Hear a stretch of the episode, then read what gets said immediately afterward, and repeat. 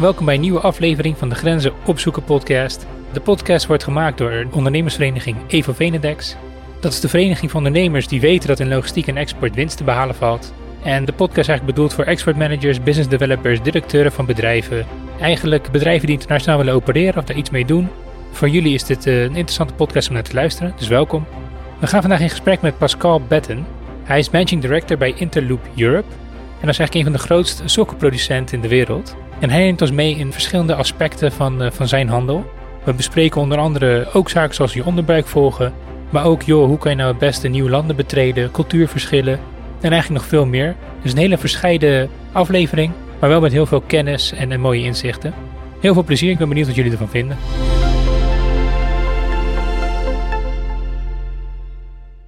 Welkom Pascal. Goedemorgen, dankjewel. Nou, we, hebben net een webinar achter de rug en nu gelijk een podcast. Ja, we zitten in de modus, hè? we gaan ja. weer door. Ja, nou ja, top. dat is leuk. We hadden net al heel veel over export gepraat. We hadden het gehad over agenten, distributeurs, in binnenland produceren of in buitenland produceren. Maar eigenlijk, eh, misschien wat breder om naar te kijken, is ook, ja, het valt gewoon op hoeveel het kan verschillen per land. Daar gaan we vandaag ook wat meer over hebben. Maar misschien voor de luisteraars even leuk. Jij zit zelf in de, in de fashion, of in de sokken moet ik eigenlijk zeggen. Ja. Misschien kan je even heel kort vertellen wat jullie bedrijf doet en wat jij doet uh, binnen de organisatie. Ja, nou, mijn naam is Pascal Betten. Ik ben uh, managing director van Interloop Europe. En wij zijn het Europese kantoor voor een, uh, ja, de, de, eigenlijk in alle bescheidenheid gezegd, de ene grootste sokkenfabriek ter wereld. Als ik wat onbescheiden ben, is het de grootste, maar het spant er een beetje om. Hoeveel dus sokken het, hebben we het over? Dan hebben we het over een kleine miljard paar sokken die wij per jaar maken. Ja. Dat uh, zijn, er, uh, zijn er genoeg. Dat zijn er veel. Heel uh, veel. Er werkt, werken ongeveer 25.000 medewerkers bij ons in de -hmm. fabriek. En in Europa niet op kantoor. Wij zijn met een klein team van 10 man. Oké. Okay. Voor heel maar, Europa? Ja. Oké. Okay. Ja, ja, want ja, wij produceren hier niet. Voor de rest doen we alles wel. Dus dat gaat van productontwikkeling, dus technisch. Ja, dan dat bij sokken. Misschien kun je er niks bij voorstellen, maar dat kan vrij ver gaan tot het uiteindelijke, uiteindelijke design, het visuele, trend, die zaken, die zijn belangrijk. Uiteraard logistiek, mm. een heel belangrijk onderdeel. Uh, we doen containers. Nou, misschien een leuk weetje dat in de gemiddelde 40 voet container, dan heb je het al gauw over uh, 100 tot 120.000 paar sokken. Ja, wat ik altijd al weet. Ja, dus, dat, ja dat, dat, dus als iemand bij ons komt, gewoon, we hebben duizend paar sokken nodig, dan denk ik, oeh, we denken in iets andere aantallen. Ja, ja. dan, uh, ja. Misschien met PostNL duizend paar opsturen, ja, maar niet... Nou ja, ja, dat Heineken en daar... maar zitten ze dan, hoe zijn ze dan verpakt? Zijn ze dan een soort van extra gedrukt of zo, op het moment jullie ze vervoeren? Of... Zit in retailverpakking, horen ze vervoerd? Ja, het zit in retailverpakking en dat zit weer in een omdoos. En die, die kartons zitten weer in een container. En wat wij veelal proberen te doen is het crossdocken. Dus Oh ja. wij, de containers worden helemaal volgedaan met dozen. Hmm. Bij ons in de DC worden ze uh, op pallets gezet, zodat we zo min mogelijk lucht hebben in de container. En, en van daaruit gaat het of een stuk naar voorraad of naar de klanten. En uh, zo proberen we het zo efficiënt mogelijk te doen. En doet ook over heel de wereld, toch? Ja, vanuit Europa dan uiteraard niet. Dat doen we de Europese markt. Maar ons moederbedrijf Interloop in, in Pakistan, die heeft klanten als een Nike, Adidas, uh, Puma. Hmm. Uh, maar ook Primark, C&A. Dus het gaat eigenlijk in, uh, heel, heel breed. Van uh, enorm hoge kwaliteit tot, tot, tot hoge volumes en wat lagere kwaliteit. Oké. Okay. Nou goed, laten we over export hebben. Ja. Kijk, landen verschillen heel erg. Dat is voor niemand een verrassing. Maar het is natuurlijk wel altijd de uitdaging, hoe ga je, als exporteur, hoe ga je ermee om als iemand die exporteert? Ik bedoel, nieuwe markten bekleden, dat is natuurlijk iets uh, waar mensen altijd naar kijken, of bestaande markten uitbreiden. Maar kan je een beetje jouw visie misschien delen waar je tegenaan loopt nu met uh, ja, ja, verschillende soorten markten? Nou ja, goed, binnen Europa, uh, ondanks dat we in Europa zijn, is er, zijn er nogal verschillen. Enerzijds heeft dat met de opzet van een land te maken, dus met je hele je distributie. Mm -hmm. in Nederland is dat redelijk fijnmazig. In Duitsland lukt dat ook wel. In Frankrijk wordt het al wat groter en worden de afstanden wat groter. Dan hangt het er heel erg vanaf wat je doet. Uh, wij leveren soms ook aan winkels, ook bijvoorbeeld in Frankrijk, aan, aan supermarkten. En ja, dan heb je een, een enorm logistiek apparaat nodig. Uh, mm. In Nederland is alles binnen een straal van een paar kilometer. Heb je de volgende winkel. Ja, dat heb je in, uh, bijvoorbeeld in Frankrijk niet. Dan moet je toch iets verder rijden. Daarnaast heb je cultuurverschillen heel erg. in de zin van qua smaak, qua beleving, qua producten. We hebben te maken met het milieu. Mm. We hadden het hier al eerder even over in de webinar. Circulariteit of duurzaamheid. Daar zijn wij heel ver in. Maar in Duitsland bijvoorbeeld uh, speelt dat veel minder. In Frankrijk heel veel. wat je misschien niet zou verwachten. Misschien kan je het verhaal nog een keer vertellen over hoe dat werkt bij jullie fabrieken in Pakistan. Dat vond ik wel een mooi verhaal. Van hoe dat eigenlijk ja, volledig circulair is met die afvalstoffen. Kan je dat nog een keer vertellen? Ja, waar wij een aantal jaren geleden voor gekozen hebben uh, in Pakistan is inderdaad met dat duurzaamheidsverhaal in het achterhoofd van hoe gaan we dat nu opzetten. Toen hebben ze gekeken, wij hebben, wij hebben warmte nodig. Nou, dat is energie, dat kost energie. Hoe kunnen we dat nou zo voordelig mogelijk doen en zo duurzaam mogelijk? Pakistan is een land waar uh, in Azië wordt er veel rijst gegeten, in Pakistan ook. Dus dan heb je rijst heeft afval, namelijk het rijstvlies. Toen hebben wij ervoor gekozen om dat, uh, dat rijstvlies te gaan verbranden. En de warmte die we daarmee opwekken, te gaan gebruiken voor het verwarmen van uh, de, de, de, de apparaten zeg maar, die wij in de productie nodig hebben. Dus een afvalproduct gebruik je vervolgens weer als brandstof om je verdere proces in te richten. Toen zijn we daarna nog een stap verder gegaan. Toen hebben we gezegd, oké, wat kunnen we dan met dat afval weer? En het verbrande uh, rijstafval. En dan, daar worden vervolgens weer bakstenen van gemaakt. En eind afgelopen jaar hebben wij een, een denimfabriek. Want we doen sokken, dat is het grootste gedeelte. Maar we doen ook bijvoorbeeld jeans. Mm -hmm. En daar hebben we een LEED Platinum gecertificeerde fabriek geopend. Dus het is enorm duurzaam. En die is gebouwd met bakstenen vanuit ons eigen afval. Dus daarmee is het uh, redelijk circulair uh, geworden. Ja, dat is ongelooflijk. En die baksteenproductie die heeft dan weer op zijn eigen beurt bijna geen afval meer ernaast. Dus het is nee. echt gewoon, ja. Uh, ja, dus is niet op het einde een grote berg met afval over. Nee, klopt. De organisatie, zeg maar, die daarmee, zich daarmee bezighoudt met, met circulariteit, duurzaamheid. Er zijn er verschillende van. Wij werken heel veel met het Cradle to Cradle Instituut.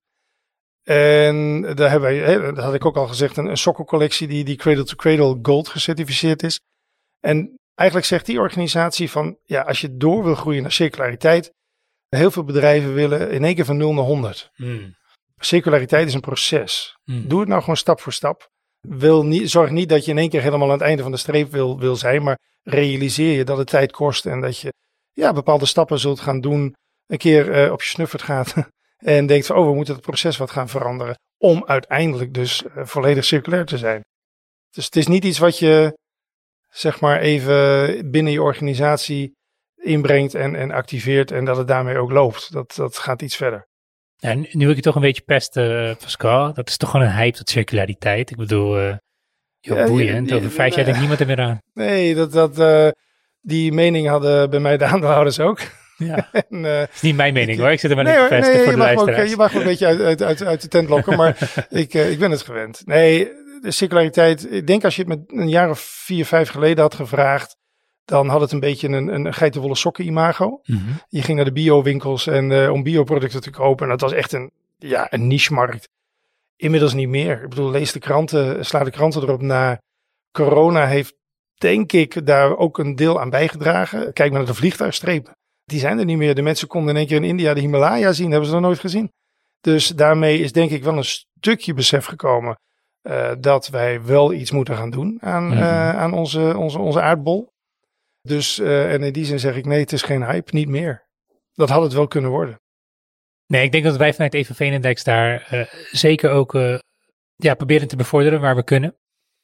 Maar goed, dat is misschien een andere podcast. Het is ook een, van, een van de pijlers toch voor jullie, zag ik. Nee, nee niet de dacht, de duurzaamheid. Hè? Ja, wel, duurzaamheid, duurzaamheid wel. Dat ja. valt natuurlijk wel onder. Ja, precies. Nee, absoluut, absoluut. Ik zit niet hier om jullie te promoten overigens. Maar... Nee, maar dat is heel goed. Kunnen we jou inhuren misschien? nee, goed, en dan die landen verschillen. Maar waar loop je dan tegenaan? Bijvoorbeeld, is er nu een exportland waar je dan echt merkt van... hé, hey, het is moeilijk om nu markt te penetreren? Of... Ja, de, Engeland. Er zijn twee verschillen. Als ik het over circulariteit heb, is een ander verhaal. Maar uh, Engeland en, en Brexit is mm -hmm. natuurlijk een, een, een ding geweest. Daar liep je tegen enorm veel beperkingen op. En ik denk nog... Ja. Ik heb er een jaar of twee geleden voor gekozen om Engeland, waar heel veel acquisitie moest gebeuren voor ons, om dat even te parkeren en met op, op een aantal andere landen te gaan richten. Wetende dat, oké, okay, wat gaat er gebeuren met de Brexit? Wat zijn de consequenties? Niemand wist het. Nu het bekend is, kan ik geleidelijk aan gaan, gaan beginnen en uh, zeg van, oké, okay, dit is de nieuwe waarheid. En daar gaan we mee aan de slag. Daar ben ik tegenaan gelopen. Hmm. Ik denk dat je in wat meer Zuid-Europese landen, in dit geval ook in Frankrijk bijvoorbeeld, ben ik heel erg aangelopen toch tegen de lokale, het chauvinistische. Want, uh, oh, dat is interessant. Hoe ga je ermee om dan? Wat is de... Ja, ik, ik heb gemerkt, want ik heb altijd geprobeerd om de Franse markt te bedienen met, met, met eigen mensen vanuit, uh, vanuit Nederland. Daar ben ik van afgestapt. okay. dat, is, uh, dat, dat werkt niet hoe goed je ook Frans mag spreken. Uiteindelijk werkt het niet. Je moet toch met lokale mensen die de taal snappen, die de cultuur snappen. Dat is belangrijker, denk ik. Het wordt wel enorm gewaardeerd als wanneer je, ook al is het hakkelend, maar wat probeert Frans te praten. En dus ja, ik, ik ben op een gegeven moment het traject ingegaan om met Franse mensen te gaan werken. En vanaf dat moment loopt het eigenlijk beter. Echt gewoon zorgen dat je de lokale mensen hebt die snappen wat een Fransman of Française nodig heeft. In plaats van dat wij Nederlanders wel denken dat we, hè, wij doen toch zoveel export en wij denken het allemaal wel te weten. Werkt toch iets anders. En, en hoe wist je dat het daaraan lag? Hoe heb je dat ontdekt? Ja, door, door schade en schande. Je, komt, okay. je, je stoot je neus en je denkt, waarom lukt dit nou niet? Mijn verhaal klopt, alles klopt, mijn prijs klopt en, en toch kom ik er niet door. En ik denk ook met mensen praten in de branche, in, in die tegen dezelfde dingen aanlopen. Daar zijn jullie natuurlijk ook uh, uit, uitermate. Ga ik nog een keer PR maken trouwens. Maar, dat, maar ja, de, deel het. Deel die ervaring. Ja. Uh, stel je vragen. Dus daar hebben we in ieder geval wel, wel van geleerd. Nou kijk, het is altijd natuurlijk een spanningsveld. Ik weet niet meer wie dat zei, maar een van mijn andere podcastgasten, die, ik hoop niet dat hij boos werd als hij luistert, ik heb vergeten wie het was, maar die zei op de podcast voor jou Misha, uh, geduld duurt maar zo lang als dat je portemonnee diep is.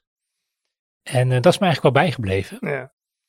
Ja, dan zie je misschien iets anders, weet je. Kijk, dus, ja oké, okay, schade en schande, maar je moet ook door kunnen gaan. Je moet ook ergens het budget hebben om... om... Ja, je moet keuzes maken. En, Wat en, doe je daarmee? Nou ja, je, je kan geld blijven steken in iets waarvan je nooit zeker weet of er iets uitkomt. En dat zul je als ondernemer moeten doen. Dat is denk ik ondernemen. Maar je hebt ook een bepaald gevoel over iets. Dat je denkt van ja, hoe realistisch is het waar ik nu mee bezig ben? Ben ik op de goede weg? Soms moet je ook gewoon, om het maar plat te zeggen, de ballen hebben. Om dan het geld wat je geïnvesteerd hebt, dan maar uh, dat verlies maar te nemen. En te zeggen, ik ga me ergens anders op richten. Oh ja. En uh, dat is ook wat ik met Engeland gedaan heb. En gezegd van ja, weet je, ik kan er nu heel veel in gaan investeren. Uh, dat heb ik al gedaan. Ik kan ook nu even zeggen, ik parkeer het. En ik ga over een tijdje verder. En dat is, ja, soms moet je die keus maken. Ja, misschien ook luisteren naar je onderbuik in, in zo'n uh, situatie. Ja, ja, ja. ja die, blijft steeds, die blijft steeds voor terugkomen. En uh, die, die onderbuik, de ervaring, ik denk dat dat ook hmm. wel helpt.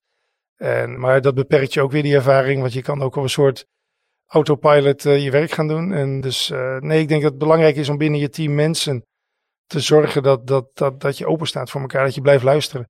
En binnen je netwerk, binnen je branchevereniging, je collega's, deel het. Ja, oké, okay, dus blijf niet in je bubbel zitten, maar probeer ook gewoon ja. je zorgen en je problemen en je uitdagingen te delen. Ja. Het is eigenlijk denk ik ook met, uh, waar we het al over hadden, die, die, die circulariteit en die, die duurzaamheid. Wij komen met een, met een collectie sokken die, die wereldwijd uniek zijn, die, die gecertificeerd zijn, die, die je op de composthoop kan gooien en uh, binnen, oh ja? binnen 90 dagen volledig verdwenen zijn. Maar is dat uniek aan jullie sokken of doen alle sokken dat? Nee, dat is uniek aan deze sok. Er is geen enkele sok die, die als zodanig gecertificeerd is. Oh. En ik had, we hadden ons uit het veld kunnen laten slaan met alle tegenwerpingen die we kregen. En wat hoorde je dan voor tegenwerpingen? Nou ja, dat, je hebt één ding al genoemd, het is een hype. Je oh, probeert ja. maar wat uit te dagen. Maar ook logistiek, hoe ga je het allemaal, hoe ga je het allemaal managen? Waar loop je tegenaan? En ik denk dat er genoeg mogelijkheden zijn geweest waar, waarbij wij gezegd zouden van, vergeet het maar. dit, dit gaat hem echt niet worden. En, en, en uh, de wereld is er niet klaar voor. En ik denk dat dat nou een voorbeeld is, die duurzaamheid, iets wat gedragen moet gaan worden door meerdere. Daarom ook dat delen waar, waar je net al even aan refereerde.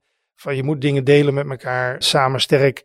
En ja, dat ik collega's heb die dit ook gaan doen. Ik hoop het. Ik wil, we zijn nu alleen, maar dat betekent ook dat ik alle, alle, alle PR daaromtrent uh, alleen moet gaan doen voor de sokken. Ja.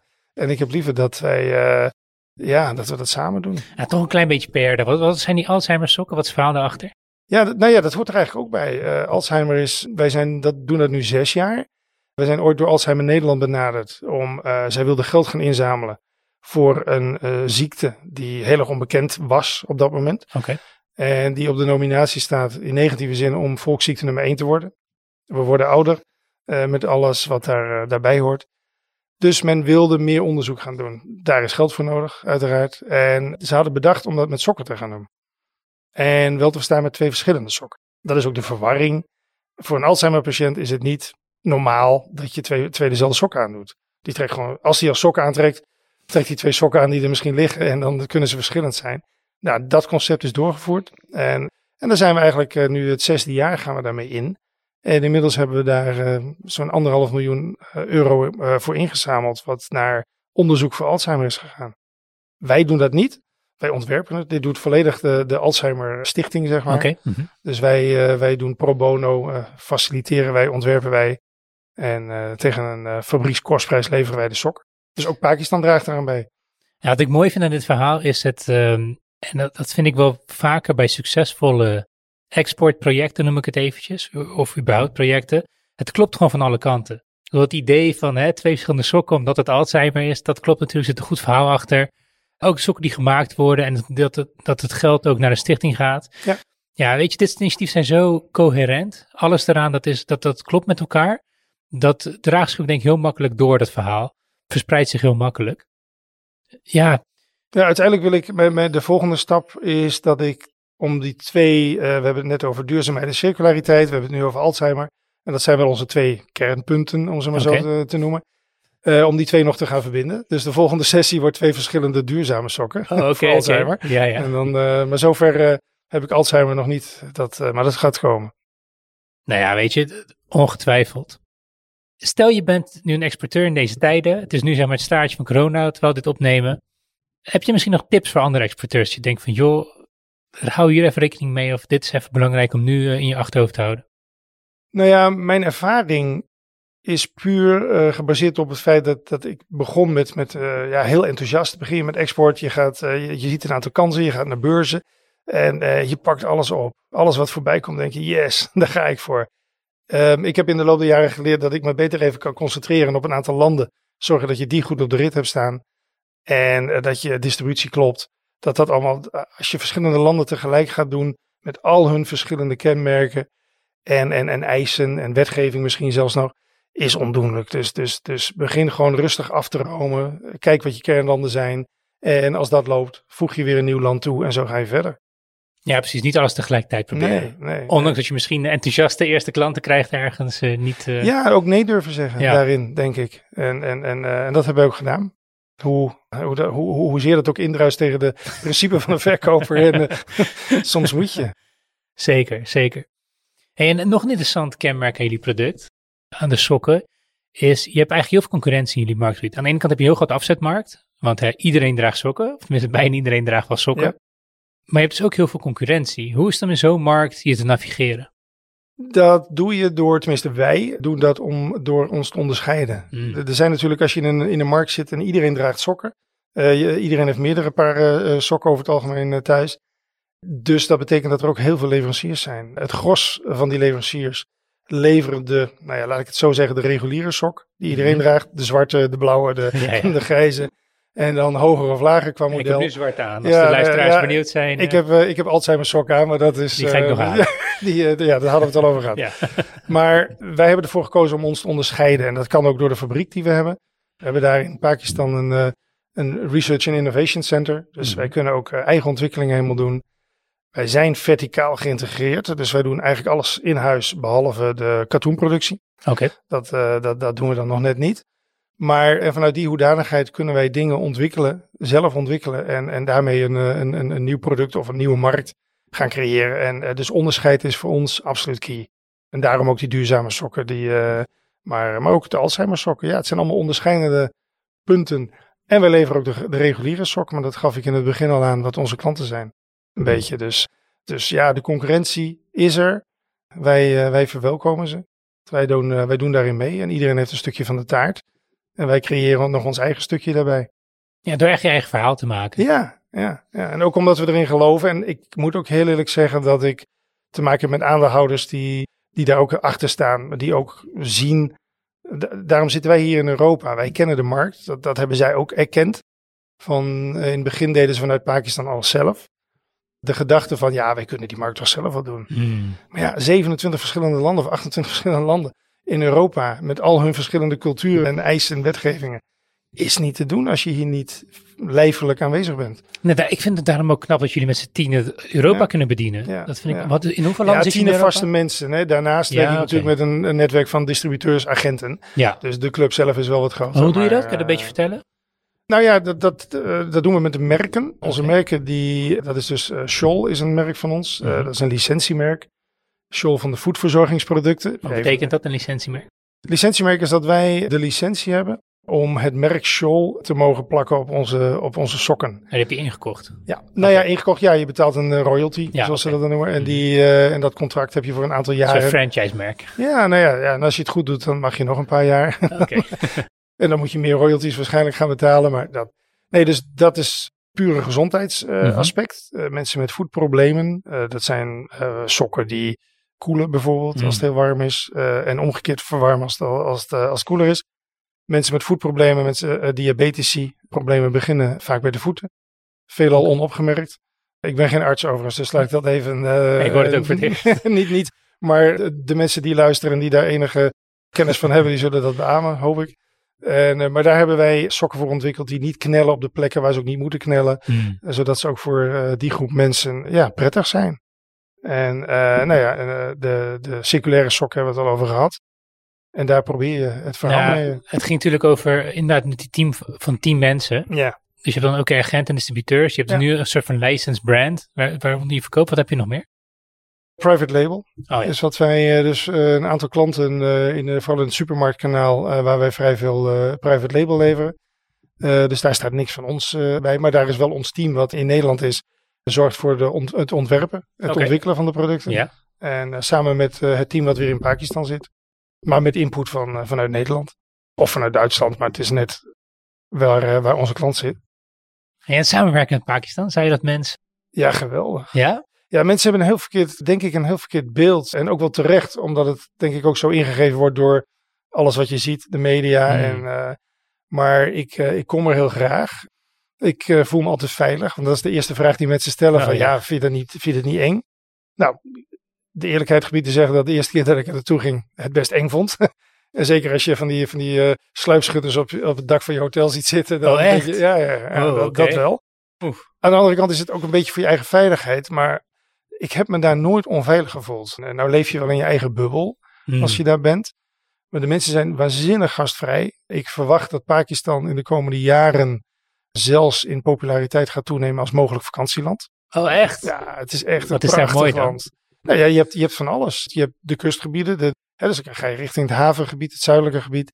Als je noordelijk gaat, dan, eh, dan kom je richting de Himalaya. Nou, dat is geweldig als je daar bent. Dat is zo gaaf. Het land is zo divers.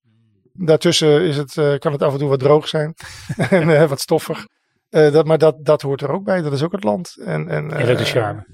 Ja, en, en ik merk ook als je bijvoorbeeld op het vliegveld staat en je staat voor de immigratiedienst in de rij, dan word je als buitenlander, als Europeaan, word je altijd voorgelaten door de immigration Hmm. officer. Dan moet je, mag je eerst. Dan hoeft dat van mij niet, maar eh, ik sluit gewoon achteraan in de Ja, rij. ja. Maar nee hoor, ze zijn eh, dan heel gastvrij. Ze, echt, absoluut. En, en qua business met ze doen? Zijn ze betrouwbaar? Zijn ze, wat is opvallend aan eh werk met Pakistan? Ik vind ze wel betrouwbaar, maar misschien is het een beetje vertekend omdat het onze aandeelhouder ook is. En ik weet niet ehm, hoe het precies zou zijn als het, als het echt een klant is of een leverancier. Maar ze spreken heel goed Engels. Mhm. Ze zijn allemaal internationaal geschoold over het algemeen ook. Eh, heel veel mensen die Pakistanen die in Londen studeren of in Amerika. Dus dat, ze zijn wel redelijk globaal zeg maar ingesteld. En dus ik verwacht dat het eigenlijk bij andere fabrikanten, als het niet je aandeelhouder is, eh, dat het ook goed zaken is. De ervaring die ik heb, is dat ze altijd wel hun woord houden. Waar het niet dat de cultuur natuurlijk wel enorm verschillend is tussen. En wat eh, merk je dan? Als cultuur ja, het is wij- zijn natuurlijk als Nederlanders helemaal, staan we erom bekend dat we, dat we nogal direct zijn. Soms wat bot misschien zelfs. Maar, en hier laten we het direct noemen, daar hebben zij wel aan moeten wennen. En inmiddels eh, kennen ze ons en snappen ze ook wel dat we het soms niet altijd zo bedoelen. En eh, dus daarentegen zullen zij nooit direct tot de kern komen. Hmm. En eh, dan, dan, dan zijn ze toch altijd wat subtieler.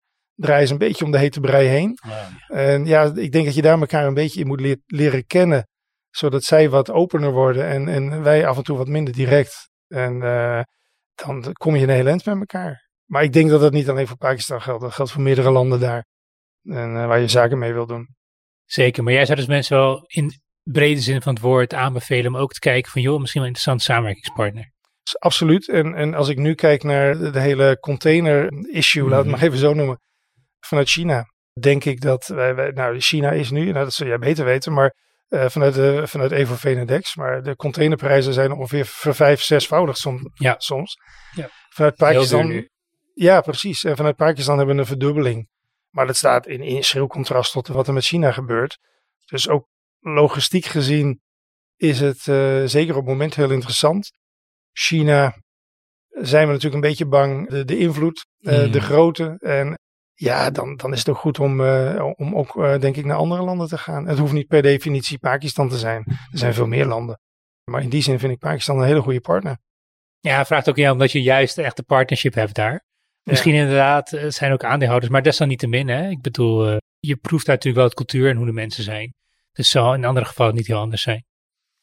Nou, Pascal, ontzettend bedankt. Ik denk uh, heel veel leuke anekdotes in ieder geval. Ik ga zeker een, een setje Alzheimer sokken bestellen. Heel goed. dat, uh, dat bij deze afgesproken. Alzheimersocks.nl. Dan, okay. dan maak ik ook nog even gelijk reclame. Dat mag, dat mag.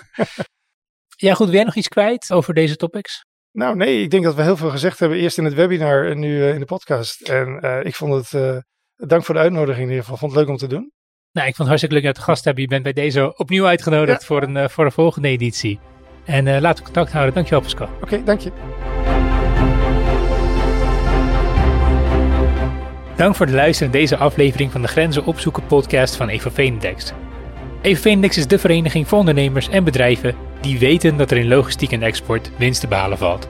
Nou, mocht je nou ook zelf aan het worstelen zijn met je exportstrategie, of ben je gewoon benieuwd naar waar de kansen liggen, wil je exportmarkt vergroten of wil je juist nieuw ontdekken, dan staan onze adviseurs altijd voor je klaar een kennismaking is natuurlijk vrijblijvend. En uh, ja, nou ja, je hebt niks te verliezen en alleen maar iets te winnen. Dus mocht je daar interesse in hebben, dan zou ik in de omschrijving van deze podcast een linkje plaatsen naar hoe je in contact kan komen met onze adviseurs en onze consultants. En uh, mocht je met mij contact op willen nemen of met iemand anders van het podcastteam, dan zou ik daar ook even wat gegevens voor achterlaten in de omschrijving van deze podcast. Hartstikke bedankt voor het luisteren en ik hoop je de volgende keer weer terug te zien.